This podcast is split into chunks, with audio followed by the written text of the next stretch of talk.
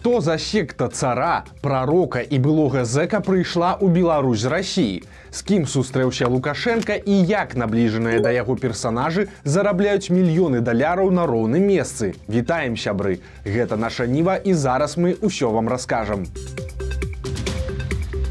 У Беларусі з'явілася новая праблема расійскага паходжання. Гэта таталітарны культ былога зэка ў турэмных масцях, які аб'явіў сябе царом, прарокам і патрыярхам адначасова. Секта называецца расійская праваслаўная царква царская імперыя і кіруе ёй 41гадовы расіянін Леонид Уласаў, які цяпер называе сябе засімам.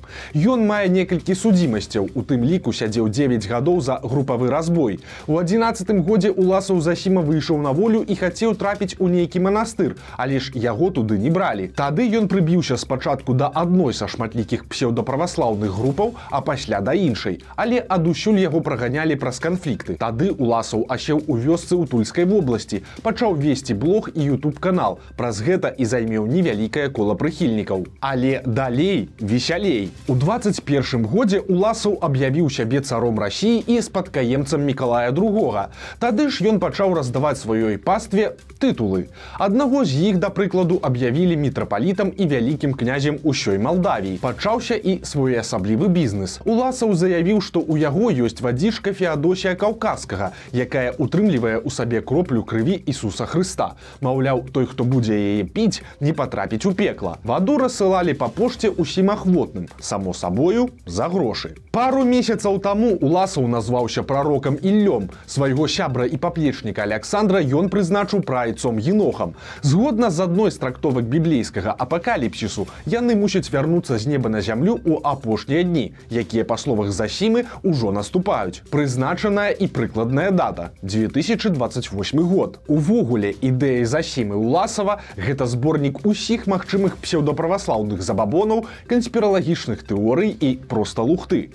Ён выступае і супраць расійскай праваслаўнай царквы і супраць Пуціна, але па нечаканай пэўнай прычыне. Сектантаў пераконваюць, што Беларусі і рассіі не існуе. ёсць трыедзіная Русь, якой кіруе быццам бы сам уласаў засіма. Дарэчы, пры уступленні ў секту людзі мусяць прымосіць прысягу засіме як імператору і клянуцца служыць яму да апошняй кроплі крыві. Пры гэтым уласаў гэта неадукаваны чалавек у турэмных татуіроўках з устаўнымі металічнымі зубамі. Ён аматар выпіць і нават свае пропаведзі часам записывае пад градусам, але яго адэптаў гэта не засмучвае. Яны працягваюць верыць ва уласаўскую бязглуздзіцу, напрыклад, у пластары шчыпамі і сусветную яўрэйскую змову. Гучыць гэта можа і смешна, але на самай справе ўсё даволі сумна, бо прыхільнікі уласава засіму паціху з'яўляюцца і ў Беларусі. Яны ўжо аб'ядноўваюцца і перабіраюцца ў вёскі. Пакуль вядома, што прыхільнікі уласава базуюцца ў вёсцы кайкі гарадоцкага раёна віцебскай вобласці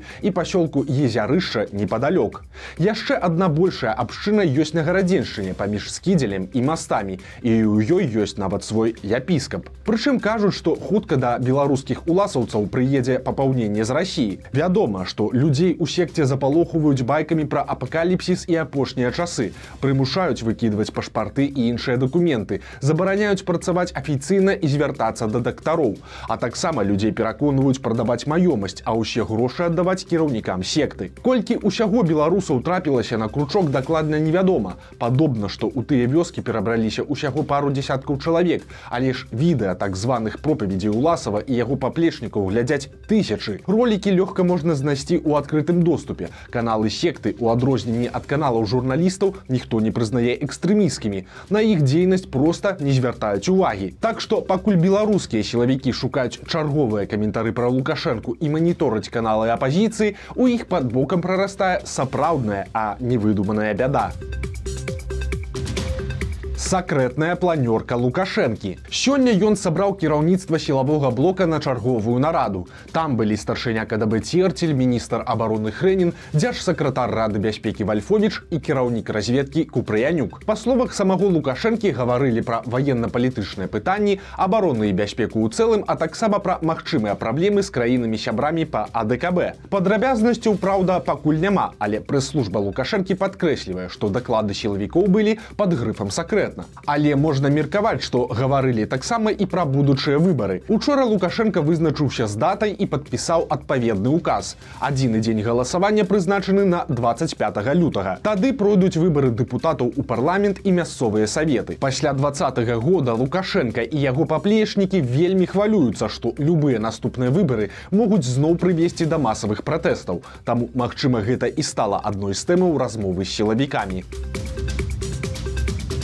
паплечнік лукашэнкі мільёны за нерухомасць і прыборка для алігарха. Выйшла новае расследаванне пра таямнічую прыватную ваенную кампанію створаную беларускай дзяржавай. Гаворка ідзе пра кампанію гардсервіс гэта першая і адзіная прыватная ахоўная арганізацыя якая мае права захоўваць зброю і карыстацца ёю. Цяпер былыя сілавікі з белпол расказалі некаторыя цікавыя дэталі пра гэтую фірму. Па іх звестках гардсервіс шчыльна звязаны з віктором шейманам найбліжэйшым паплечнікам паплечнікам лукашэнкі. Настолькі шчыльна што адной з заснавальніц кампаніі з якой пазней выраз гардсервіс аказалася вельмі блізкая да яго жанчына. Гэта Ганна пушкарова. Яе па звестках расследавальнікаў звязваюць шэйманам асабістыя стасункі. Цяпер жа адзіным заснавальнікам гардсервіса лічыцца александр мятла кіраўнік фонду памяць афгана і дырэктар лініі сталіна. Але гэта толькі намінальна. Де-факта як сцвярджае белпол гардсервіс па-ранейшаму падпарадкоўваецца віктору шэйману. Гэтая кампанія кампанія вельмі шчыльна звязаная з дзяржавай. Нават форму для гардсервіса шыюць там жа, дзе і лукашэнкаўскім сілавікам,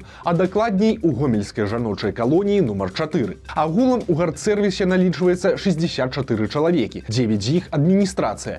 Кіраўнікі гэта былыя сілавікі, падпалкоўнікі запасу, якія атрымліваюць заробак у 4000 рублёў. Стралкі, якіх па дакументах 11 чалавек зарабляюць у разы менш, аклад ад 1100 до 1400 рублёў. На кампанію кампанію зарэгістраваны неблагі арсенал. Гэта 39 пісталетаў, тры аўтаматы калашнікава і некалькі карабінаў. Ахоўваюць жа работнікі гардсервіса пакуль толькі ўсяго двух кліентаў. Першы гэта той самы Віктор Шейман. Калі верыць белполу, ён плаціць за паслугі аховы па 45 тысяч рублёў штомесяц апошнія два гады. Другі кліент таксама набліжаны да лукашэнкі. Гэта бізнесмен і мільянер Алексей Алексін, чые табакеркі цяпер распіхалі па ўсёй Беларусі. Гардсервіс ахоўвае сядзібу алексіна прычым бізнесмен яшчэ і даплачвае кожнаму са стралкоў за прыборку тэрыторыі і пакос травы. Таксама билпол расказвае пра няхітрую схему заробку гэтай ахоўнай фірмы. Па іх версіі ахова не прыносіць асаблівых прыбыткаў гардсервісу але хутка на рахунках кампаній будуць мільёны. Справа вось у чым. Дзяржаўнае спартыўнае таварыства дынама абавязалі аддаць гардсервісу некалькі будынкаў у мінску. Цяпер іх плануюць знесці і пабудаваць на тым месцы жылыя дамы. Прычым забудоўшчык гэта павел белы яшчэ один блізкі да лукашэнкі персонаж белы да нядаўняга часу быў гульцом лукашэнкаўскай хакейнай каманды. Праўда улетку яго затрымлівалі праз прэтэнзіі фінансавых органаў таму можа сітуацыя і змянілася. Але ж першапачаткова кампанія тапас якая належыць беламу збіралася выкупіць тыя будынкі у гардсервіса а пасля будоўлі шматпавярховіку і продажу у іх кватэр тапас абяцаў яшчэ і падзяліцца з ахоўнай фірмай часткай прыбытку. Такім чынам гардсервіс планаваў зарабіць аж 5 з паловай мільёнаў даляраў. Пакуль блізкія да лукашэнкі людзі на роўным месцы зарабляюць мільёны даляраў, прапаганда працягвае ухваляць яго як бязлітаснага змагара з карупцыяй. Цяпер за тэму ўзяўся ігар тур, верны чалец лукашэнкаўскага пула і чалавек, які з гонарам называе сябе прапагандыстам. Логіка ў тура чаканая. Лукашенко добры, яго падначаленыя не вельмі. Таму маўляў, з падначаленымі можна абыходзіцца як заўгодна. Но все же лучшая эмоция для госуправления, как я считаю, это страх с которым, если не переборщить, то конвертируется он в исполнительность и дисциплину. Прычым у сваіх разважаннях тур даходзіць да ўжо зусім крыважэрнага абсурду. Тут за лишние усякие комментары, просто послухайте сами. И вот это уже, как говорится, на подумать, не значит ли это, что в последнее время пытаться растащить страну стали как-то сильнее? И не извне, а изнутри, и уже не столько строго стереотипные оппоненты, сколько приторные сторонники под такими размышлениями в соцсетях почти всегда пишут, а вот в Китае за такое расстреливают. Вот честно, я за то, чтобы перенять передовой опыт одного из мировых гегемонов. Уверен, если бы мы очень негуманно показали очень негуманный расстрел условно пяти коррупционеров из гранатомета, то у 500 каких-то других коррупционеров желание воровать пропало бы мгновенно и очень надолго. Беларускі вырашылі палеквацца мухаморамі і амаль не памерлі. Гісторыя здарылася ў слонімскім раёне. Адразу дзве жанчыны трапілі ў бальніцу з моцным атручваннем. Абедзве вычыталі ў інтэрнэце што мухаморы вылечваюць рэўматызм і дэпрэсію. Першая жанчына хацела вылічыць праблему са спіной а другая вырашыла з'есці мухамораў у якасці вітамінаў каб падняць настрой. У выніку абедзве засталіся жывыя толькі дзякуючы дапамозе медыкаў. у сілавікі зноў стралялі ў чалавека. Учора мы распавядалі гісторыю з рэчыцкага района там міліцыянты застрэлілі п'янага мужчыну з паляўнічай стрэльбай. Наступная трагедыя здарылася ў крупскім раёне. Да сілавікоў паступіла інфармацыя што ў адным з дамоў вёскі вялікі лес знаходзяцца ўзброеныя людзі. Супрацоўнікі амапу і губазіку ламануліся ў хату дзе знаходзіўся 60гадовы мужчына з двума сынамі. Бацьку са старэйшым сынам скруцілі але малодшы 19гадовы хлопец як сцвярджаюць прыбываюць сілавікі выйшаў з двумя ножамі і выказаў пагрозы. Ён праігнараваў і патрабаванне міліцыянтаў пакласці зброю на падлогу і папераджальны стрэл у паветра. Тады сілавікі адкрылі агонь на паражэнне. Хлопец паранены і цяпер ён знаходзіцца ў бальніцы. Пра яго стан нічога невядома як невядома і тое ці была ў хаце іншая зброя акрамя тых ножоў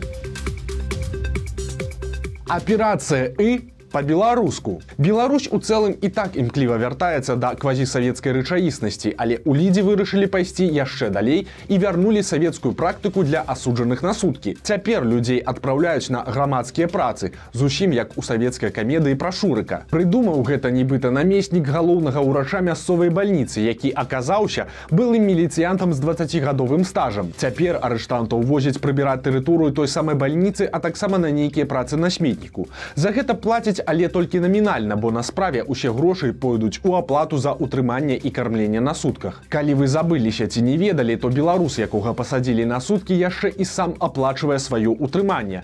Тарыф 18 з паловай рублёў у дзень. Газета советская беларусія называе гэтую новую старую практыку эксперыментам і хваліцца што сярод сутачнікаў не толькі дэбашыры і хуліганы а маўляў і асуджаныя за падпіскі бчбэшнікі хутка новы год а значыць што актывізуюцца і навагоднія махляры. Бываюць і такія. Схема у іх простая. У соцсетках ствараюць старонку дзе прапануюць вельмі прыгожыя навагоднія ялінкі. У кліента просяць перадаплату маўляў спачатку частку грошай а пасля дастаўка. Само сабою калі чалавек плаціць то ніхто яму ялінку не вязе. Махляры перастаюць выходзіць на сувязь а чалавек застаецца і без грошай і без святочнага дрэва. Так што будьце вельмі пільныя. Калі прадаўцы камунікуюць толькі праз асабістыя паведамленні не хочуць даваць нумар телефона настойваць на перадаплаце прычым абавязкова на картку гэта вельмі верагодныя прыкметы махляра. Лепш пашукайце ялінку ў якім-небудзь іншым месцы. Вось такія навіны аўторка. Подписывайтесь на канал, ставьте лайки альбо дызлайки и выказывайте свои заўвагі ў каментарах. І, канешне, чытайце нашу ніву, глядзіце нашу ніву і любіце Беларусь. Сустрэнемся заўтра.